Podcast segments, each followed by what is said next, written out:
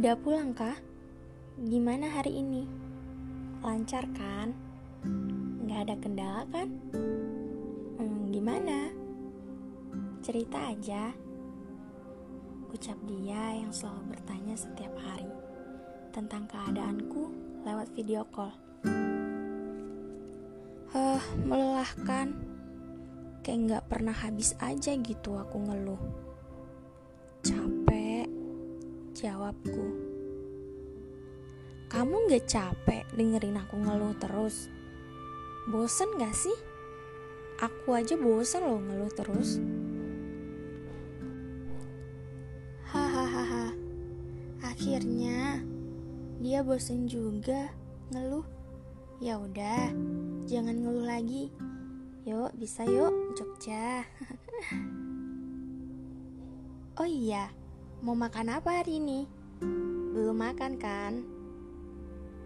Hmm, makan apa ya? Kayaknya aku males makan deh. Tiba-tiba kenyang gitu. Eh, aku hitung nih. Satu, dua, tiga, empat, Eh, jangan gitu. Aku pengen jajan aja deh. Um, yang manis, yang pedes. Oke, gojeknya mau luncur ya. Makasih. Setiap hari, tanpa jeda, kita selalu komunikasi, ngobrol, bahas semua yang kita bahas. Apa pun itu ketawa dengan hal yang random, mengesampingkan kesibukan masing-masing, gak ada alasan sibuk untuk bisa menghubungimu. Seakan dunia milik kita, dan seakan hubungan yang paling bahagia cuma milik kita. Jarak gak menjadi halangan untuk kita. Bahkan dengan adanya jarak, kita semakin menghargai waktu, menghargai kesempatan.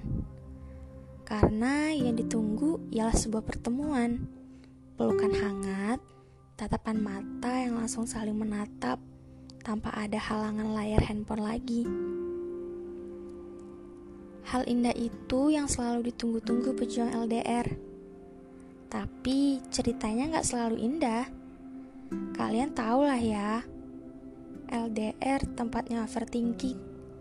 Yang kuncinya komunikasi, kejujuran, dan kepercayaan, dan juga mental yang kuat. Karena menurut aku, relationship yang paling susah itu ya LDR.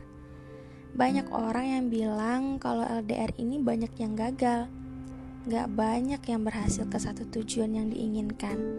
Dan katanya, hanya orang-orang yang luar biasa LDR ini bisa berhasil. Menurut kalian, gimana?